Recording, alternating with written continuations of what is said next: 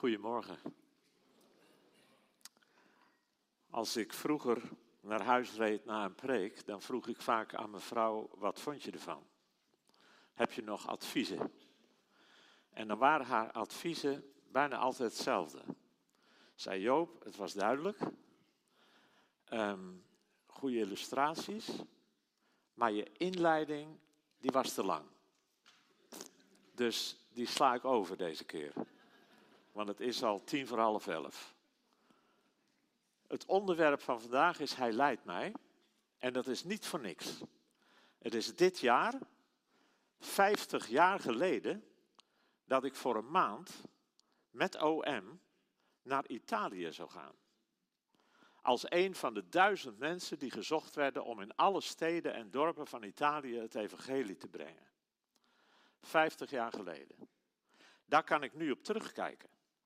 En dan kan ik zien hoe geweldig God door de jaren heen mijn leven heeft geleid. En daar wil ik zo ook nog wat over zeggen. Er zitten hier misschien ook wel mensen die ook te maken hebben met de vraag: wat wil God op dit moment in mijn leven? Ehm, en dan wil ik dat doen door Psalm 23 zo dadelijk te lezen en daar met elkaar ook over na te denken. Um, toen ik uh, een aantal jaren in OM actief was geweest, toen kwam een collega van mij, die kwam terug uit China, want die heeft daar gekeken of het mogelijk zou zijn dat ons schip de Logos een bezoek aan het toen nog ouderwets streng communistische China zou brengen. Dat zou een wonder zijn. En hij kwam terug en hij had allerlei uh, inspirerende verhalen. En toen liet hij ons een foto zien van dit echtpaar. De man heet Wang Mingdao, was een naaste medewerker van Watchman Nee. En hij had een thuis, een, een huiskerk, die heeft hij zien groeien tot een van de grootste evangelische kerken van China. De uh, christelijke tabernakel. 1948 werd de Volksrepubliek van China, het communistische China, uitgeroepen. Het was zeven jaar daarna dat de politie hem en 18 leiders van de kerk kwam ophalen en arresteren. Ze hebben hem toen zo verschrikkelijk te pakken genomen, zo gemarteld, dat hij mentaal gebroken werd. En dat ze hem een formulier hebben voorgelegd met de vraag dat hij dat zou ondertekenen, waarin hij eigenlijk afstand deed van zijn christelijke geloofsovertuiging. Hij was zo gebroken en zo kapot dat hij dat heeft getekend. Toen is hij op vrije voeten gesteld en kon hij weer naar huis. Toen hij thuis herstelde van zijn mentaal gebroken staat, toen besefte hij wat er was gebeurd en wat hij had gedaan maar dat hij dat helemaal niet wilde. Hij is teruggegaan naar het politiebureau. Hij voelde zich als Petrus, die Jezus had bedrogen.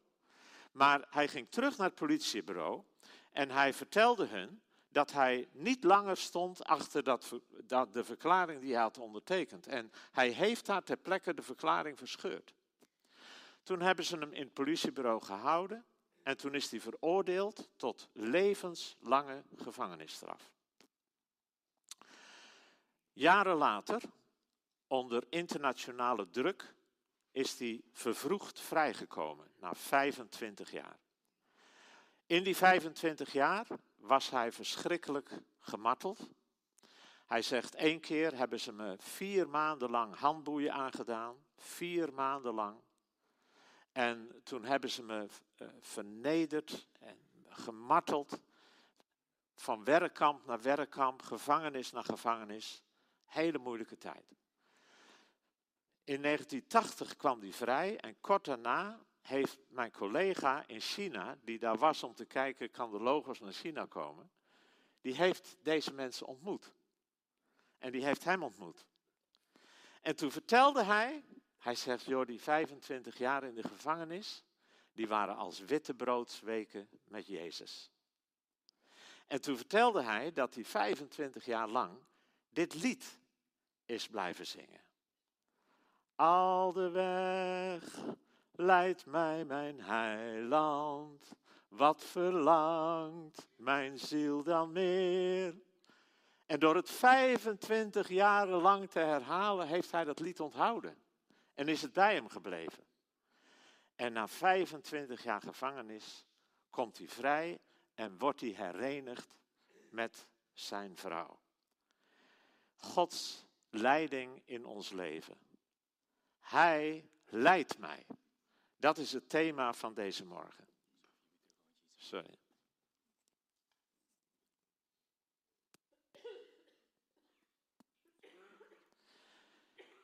Ik wil met je lezen Psalm 23.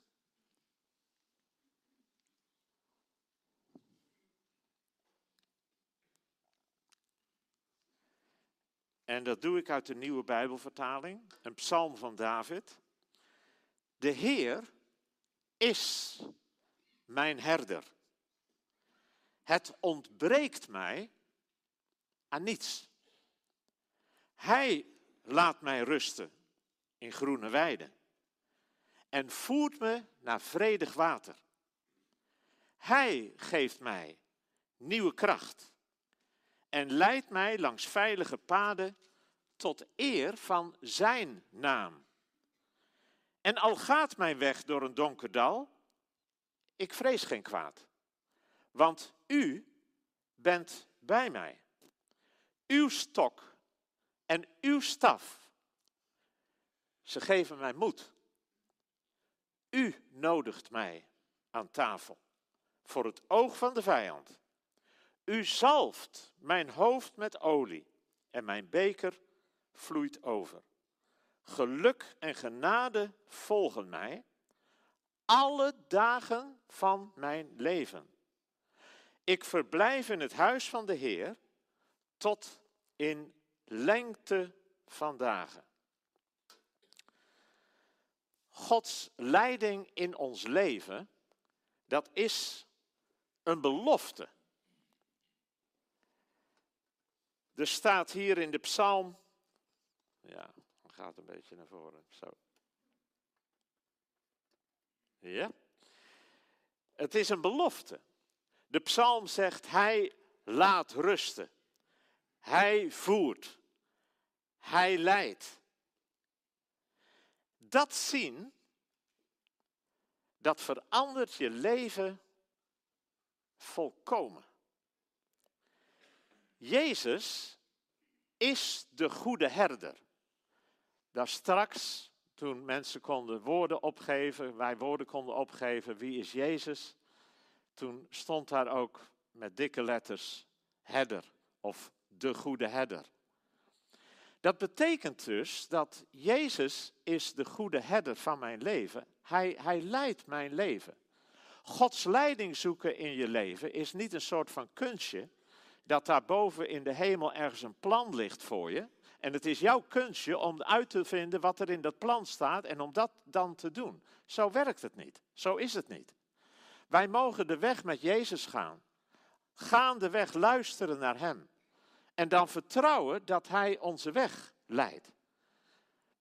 Leiding is, Gods leiding in ons leven is een belofte. Psalm 48, vers 15 zegt het. Zo is God, onze God, nu en altijd. Hij is het die ons leidt, voor eeuwig. En dat staat ook in Psalm 73, vers 23. Maar nu weet ik mij altijd bij u. U houdt mij aan de hand en leidt mij volgens uw plan. Gods leiding in ons leven is een belofte. En dat gaat bij iedereen weer anders. Daarom moet jij jezelf niet vergelijken met mij en ik moet mij niet vergelijken met jou of met wie dan ook.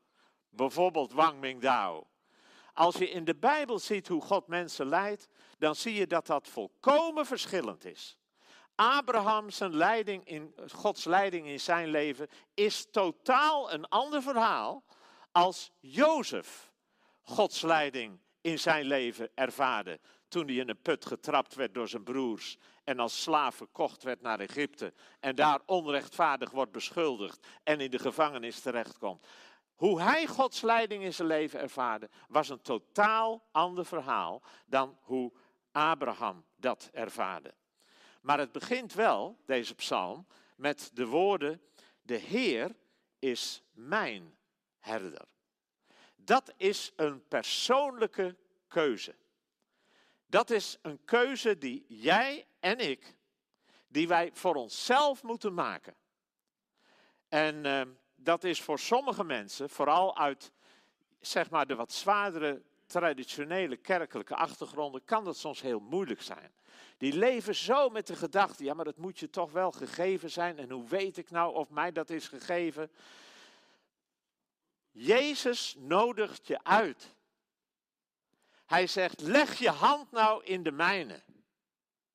En dan staat er in Johannes 1, vers 12, allen, allen die hem aangenomen hebben, heeft hij het voorrecht gegeven een kind van God te worden. En die keus is aan jou en die is aan mij. Wil ik dat of wil ik dat niet? En dan moeten we niet wachten op wat dan ook. Nee, dan mogen wij, als wij dat ervaren, dat God ons roept, dan mogen wij onze hand in de zijne leggen. En dat, dat is het startpunt van Gods leiding in je leven. Dat is het startpunt van het deel uitmaken van de kudde met Jezus als de goede herder. Soms, zegt de psalmist heel eerlijk, soms ga je door grote moeilijkheden. In vers 4 staat, al gaat mijn weg door een donker dal. Ik weet niet hoeveel preken je daarover hebt gehoord in de jaren dat je naar de kerk gaat. Ik denk niet al te veel. De meeste preken die tonen de positieve kant. Het is zo fijn, het is zo mooi. Maar de psalmist David is heel eerlijk als hij dit schrijft. Al gaat mijn weg door een donker dal. Er zitten twee kanten aan het verhaal. Daar is de kant van vrede en van mooie dingen en van kracht die je ontvangt. Maar er is ook de kant van het verhaal dat het soms bizar moeilijk kan zijn. En sommige mensen, als ik daarvan hoor wat die voor de kiezen krijgen, prachtige, gelovige mensen, dan denk ik, hoe is het toch mogelijk dat je zoveel pijn en moeite moet verdragen? En dan denk ik, dan moeten we leren om. Kijk, wij zijn niet geroepen om alles te begrijpen. We zijn wel geroepen om Hem te vertrouwen. En dat we Hem leren vertrouwen, ook als er dingen gebeuren die we niet fijn vinden. Dat we Hem leren vertrouwen, ook als er dingen gebeuren die we niet begrijpen. Dat we Hem leren vertrouwen. Het welvaartsevangelie, de gedachte van nou, geef je leven aan Jezus en het wordt één succesverhaal. Ben je ziek, je bidt en je wordt beter. En uh, als het even wil, dan gaat hij nog de doden opwekken. En voorspoed en alles zal je deel zijn. Is een grote leugen van de duivel zelf. Psalm 23 is er heel eerlijk over. Wat wij met kerst hoorden, dat is nog altijd van, dat geldt nog altijd voor ons. Um, vers 4 zegt, uh, ik vrees geen gevaar, want u bent bij mij. Wat er ook gebeurt, u bent bij mij. Ik heb kort geleden een vriend op bezoek gehad, waar ik uh, ooit meer dan 50 jaar geleden door tot geloof ben gekomen. En ik had net een setje kaarten waar allerlei persoonlijke vragen op stonden. En dan kan je een kaartje trekken en dan moet je die vraag beantwoorden. Misschien ken je dat wel. En ik zeg, zullen we dat eens doen? Dan komen we nog eens aan de praat over andere, andere dingen. En eh, toen trok ik het kaartje met de vraag: welke ontmoeting in je leven zal je altijd bijblijven? Ja, ik dacht, er zijn heel wat ontmoetingen die me altijd bij zullen blijven. Maar toen dacht ik ook aan Jim Irwin. Jim Irwin is een astronaut die uh, in 1971 met de Apollo 15 naar de maan ging.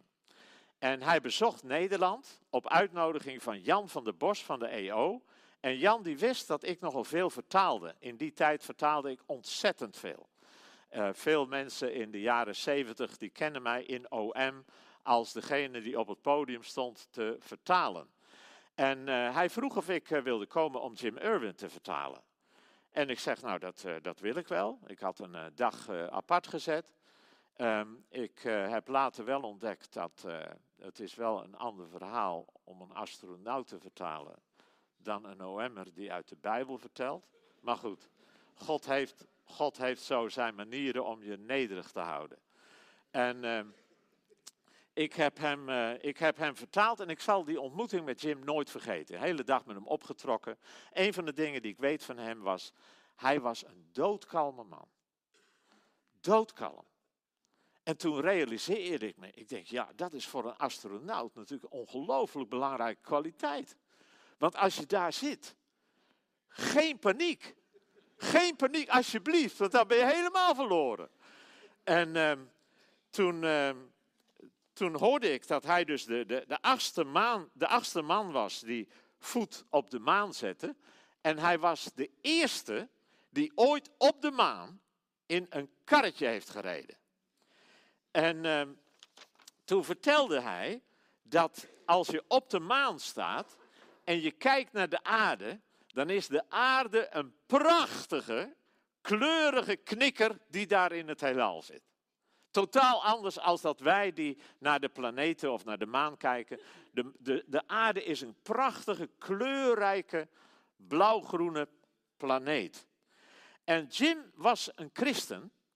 En toen hij op de maan was en zo naar de aarde keek, toen besefte hij hoe geweldig het is dat God zijn zoon naar die aarde heeft gestuurd. En toen besloot hij, veel belangrijker dan dat wij als mens een mens op de maan zetten, dat is dat God zijn zoon op onze aarde heeft geplant. En hij besloot op de maan, als ik terug ga naar die aarde, ga ik de rest van mijn leven daaraan toewijden om mensen dat te vertellen. En dat hebben wij met kerst gevierd. Dat geweldige dat God zijn zoon naar de aarde heeft gezonden. En dan denk ik, er zijn zoveel dingen met dat kerstfeest die we geleerd hebben, die nog altijd van belang zijn. Ook vandaag. En ook volgende week. En volgende maand. En volgend jaar. Wat wij één keer vierden, is een blijvertje. En dat is in de eerste plaats dat God zielsveel van ons houdt. Dat hebben we gezien in het kerstfeest. God is liefde, schrijft de apostel Johannes. Hierin is de liefde van God aan ons geopenbaard. Dat God zijn enige geboren zoon in de wereld gezonden heeft. Opdat wij zouden leven door hem. En in hem is God zelf naar ons toegekomen. Want Johannes schrijft in het begin van zijn evangelie, wat hij heeft geschreven voor ons, dat hij, dat door hem de wereld is geschapen. Dus door Jezus is de wereld en het hele universum, alles wat er is, geschapen. Johannes zegt, er is geen ding geworden dat geworden is, dat niet door hem geworden is. Met andere woorden, met het kerstfeest hebben wij geleerd dat de schepper zo zielsveel van jou en mij houdt, dat hij naar ons is toegekomen, dat de schepper voor ons heeft geleden, dat de schepper voor mij is gestorven om het goed te maken tussen jou en mij. Meer dan dat kon hij niet doen om zijn liefde te bewijzen. Hij heeft niet iets gegeven, hij heeft zichzelf gegeven. En dat is een blijvertje. Dat hij dit deed, is ongelooflijk. Ik kan me voorstellen dat als je daar met andere mensen over praat, dat ze zeggen: Ja, joh, maar dat geloof je toch zelf niet? Dat geloof je toch zelf niet? Dat de schepper voor jou heeft geleden en is gestorven, dat geloof je toch niet? Het is te mooi om waar te zijn, zou je haast zeggen. Zo geweldig. Het tweede wat we hebben geleerd met het kerstfeest, dat is doordat hij dat gedaan heeft, dat de schepper als mens de aarde heeft bewandeld en onder ons geleefd heeft en ervaren heeft wat wij ervaren, doordat hij dat gedaan heeft, begrijpt hij ons waar wij ook doorheen gaan. Er staat in Hebreeën, daarom moest hij in alles aan zijn broeders gelijk worden, opdat hij een barmhartig en getrouw hoge priester zou zijn. Want waarin hij zelf geleden heeft, toen hij verzocht werd, kan hij hen die verzocht worden te hulp komen. Doordat hij een van ons is geworden, weet hij precies waar jij en ik doorheen gaan. Want hij is er ook geweest. Er zijn in de afgelopen tijd drie vrienden van mij, die binnen een tijdsbestek van een jaar alle drie hun vrouw verloren. Alle drie. Ze waren begin jaren zeventig en alle drie binnen een jaar hebben ze hun vrouw verloren. En dat zijn goede vrienden. De man waardoor ik tot geloof gekomen ben, een studiegenoot van de HTS 50 jaar geleden, waar ik altijd nog contact mee heb, en een oud collega van me, een kerkplanter in België. Als wij met elkaar praten, dan hebben we weinig woorden nodig. Wij begrijpen elkaar. Maar als ik praat met anderen over het verlies van mijn vrouw vier jaar geleden, en ik praat met een man die zijn vrouw nog heeft, dan komt ergens in dat gesprek het moment dat die man tegen mij zegt: Ja, Joop, maar ik kan me het ook niet voorstellen dat ik mijn vrouw niet meer zou hebben. En dan zeg ik: Nee, dat kun je ook niet. Maar dat hoeft ook niet. Geef er vanavond nog maar eens een lekkere knuffel. En vertel nog maar eens waarom jij zoveel van haar houdt. Zolang je elkaar nog hebt. Maar dat kun je niet voorstellen. Maar als je een ander spreekt die ook heeft meegemaakt wat jij heeft meegemaakt, dan begrijp je elkaar. Als jij groot verdriet in je leven hebt, misschien een echtscheiding, misschien een kind wat je verloor, misschien iets anders wat je hebt meegemaakt wat heel veel verdriet heeft gebracht in jouw leven, en je praat dan met iemand die dat ook heeft meegemaakt, dan heeft dat gesprek een heel bijzondere diepgang. En dan begrijp jij elkaar op een niveau dat je elkaar niet begrijpt als je met iemand praat die dat niet heeft meegemaakt. Als ik dan aan Jezus denk, ja, dan is Jezus zo geweldig. Want Jezus begrijpt mij volkomen. Jezus was een vluchteling. Jezus is opgegroeid in grote armoede. Jezus werd verzocht. Jezus was bedroefd toen hij zijn vriend verloor. Jezus was onbegrepen. Jezus werd gehaat. Jezus was beangst op weg naar het kruis. Jezus werd verlaten door zijn beste vrienden. Jezus ervaarde dat zijn gebed door de Vader werd afgewezen. Waar wij ook doorheen gaan, Jezus begrijpt ons. Het derde wat we met kerst geleerd hebben, dat is dat wij niet alleen zijn. Immanuel, God met ons. God is bij ons. Hebreeën zegt het zo, wees tevreden met wat u hebt, want hij heeft zelf gezegd, ik zal u beslist niet loslaten. Ik zal u beslist niet verlaten. Hij is bij mij. Het hart van het evangelie is dat God zo graag religie tot relatie maakt. Dat wat wij weten, dat dat een beleving, een persoonlijke belevenis gaat worden. Dat wij Hem leren kennen. En dat we weten dat wij door Hem gekend zijn. En dat er een relatie gaat ontstaan. En dat we weten dat God dan altijd bij ons is. En als je dan in een fase in je leven door een donker dal gaat, dat God als het ware tegen je zegt, maar Joop, je hebt mij toch? Ik ben toch bij je? Hoe moeilijk de weg soms ook is, de toekomst in elk geval is altijd zeker. De psalmist zei, ik keer terug in het huis van de Heer tot in lengte van dagen. Heel vaak denk ik, leven wij wel genoeg met de toekomst in gedachten. Met dat waar wij naar uit mogen zien. De nieuwe hemel, de nieuwe aarde, het herstel van alle dingen, de bevrijding van de schepping, van de slavernij aan de vergankelijkheid. Het zie, ik maak alle dingen nieuw. Zien wij daar wel voldoende naar uit? Leven we daar wel voldoende mee? Met dat in ons achterhoofd.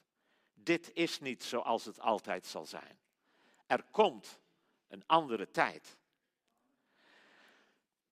De les van prediker is, als we het hebben over leiding van God in ons leven, al wat uw hand vindt om naar uw vermogen te doen, doe dat.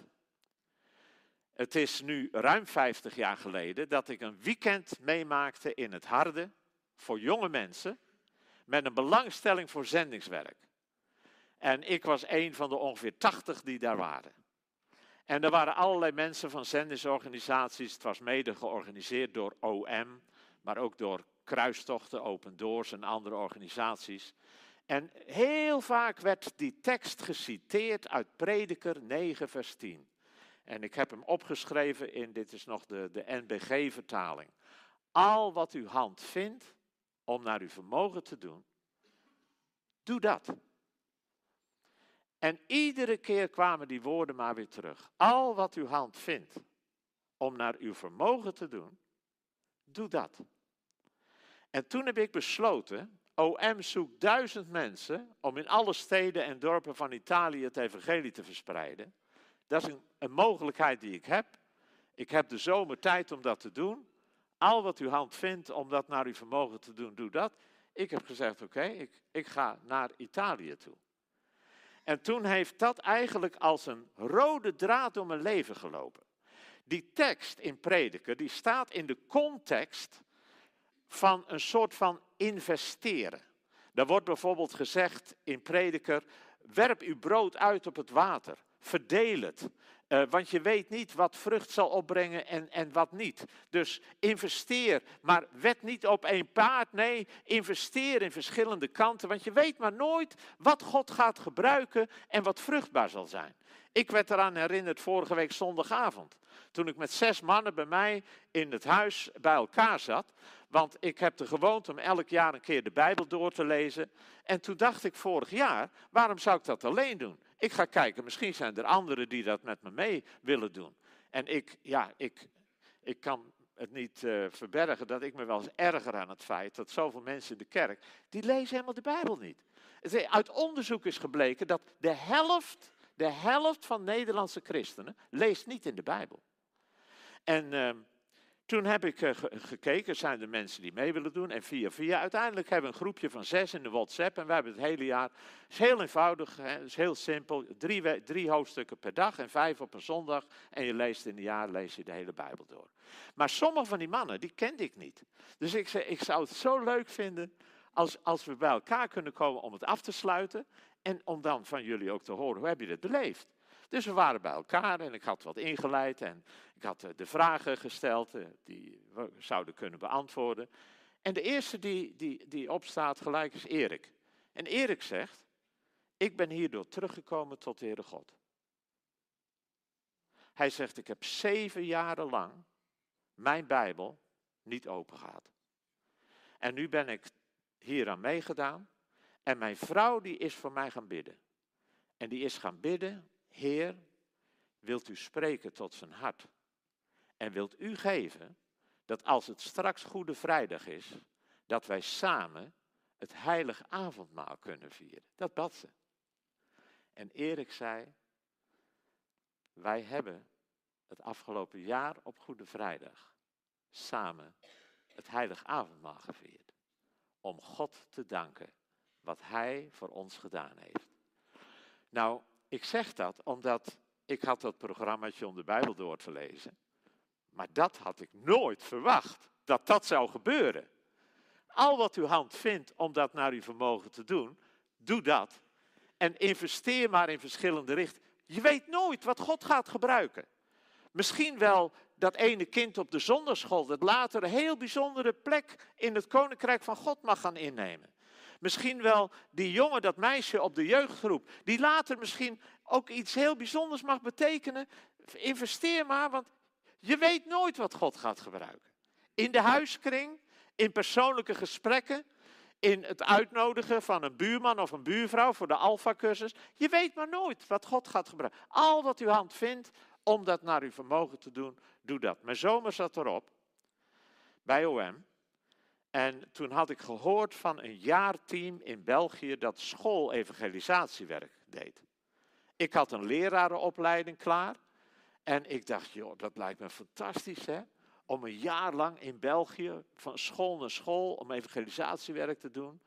En uh, al wat uw hand vindt om dat naar uw vermogen te doen, doe dat. Ik dacht, dat, uh, dat wil ik doen. In dat weekend was een jongen waar ik mee wandelde. En die vertelde mij, hij zegt, Joop, hij zegt, um, God die wil je leven leiden. Maar jouw leven is net als een schip. Zolang het schip aan de kade met trossen vast ligt, dan kan je wel op de brug gaan staan aan het roer, maar dat helpt niet. Je moet de trossen losmaken. En toen zei hij, ga nou maar op weg Joop. Ga maar op weg. Al is het maar een heel klein beetje dat je vaart, dan zul je wel ervaren dat God je leidt. Als ik terugkijk in mijn leven, dan kan ik niet anders zeggen. Zo is het gegaan. Al de weg leidt mij mijn heiland. Wat verlangt mijn ziel dan meer? Psalm 23. De Heer is mijn herder. Het ontbreekt mij aan niets. Hij laat mij rusten in groene weiden en voert mij naar vredig water. Hij geeft mij nieuwe kracht en leidt mij langs veilige paden tot eer van zijn naam. En al gaat mijn weg door een donker dal, ik vrees geen kwaad, want u bent bij mij. Joop, je hebt mij toch. Vul je eigen naam maar in. Zeg dat maar tegen jezelf. Amen.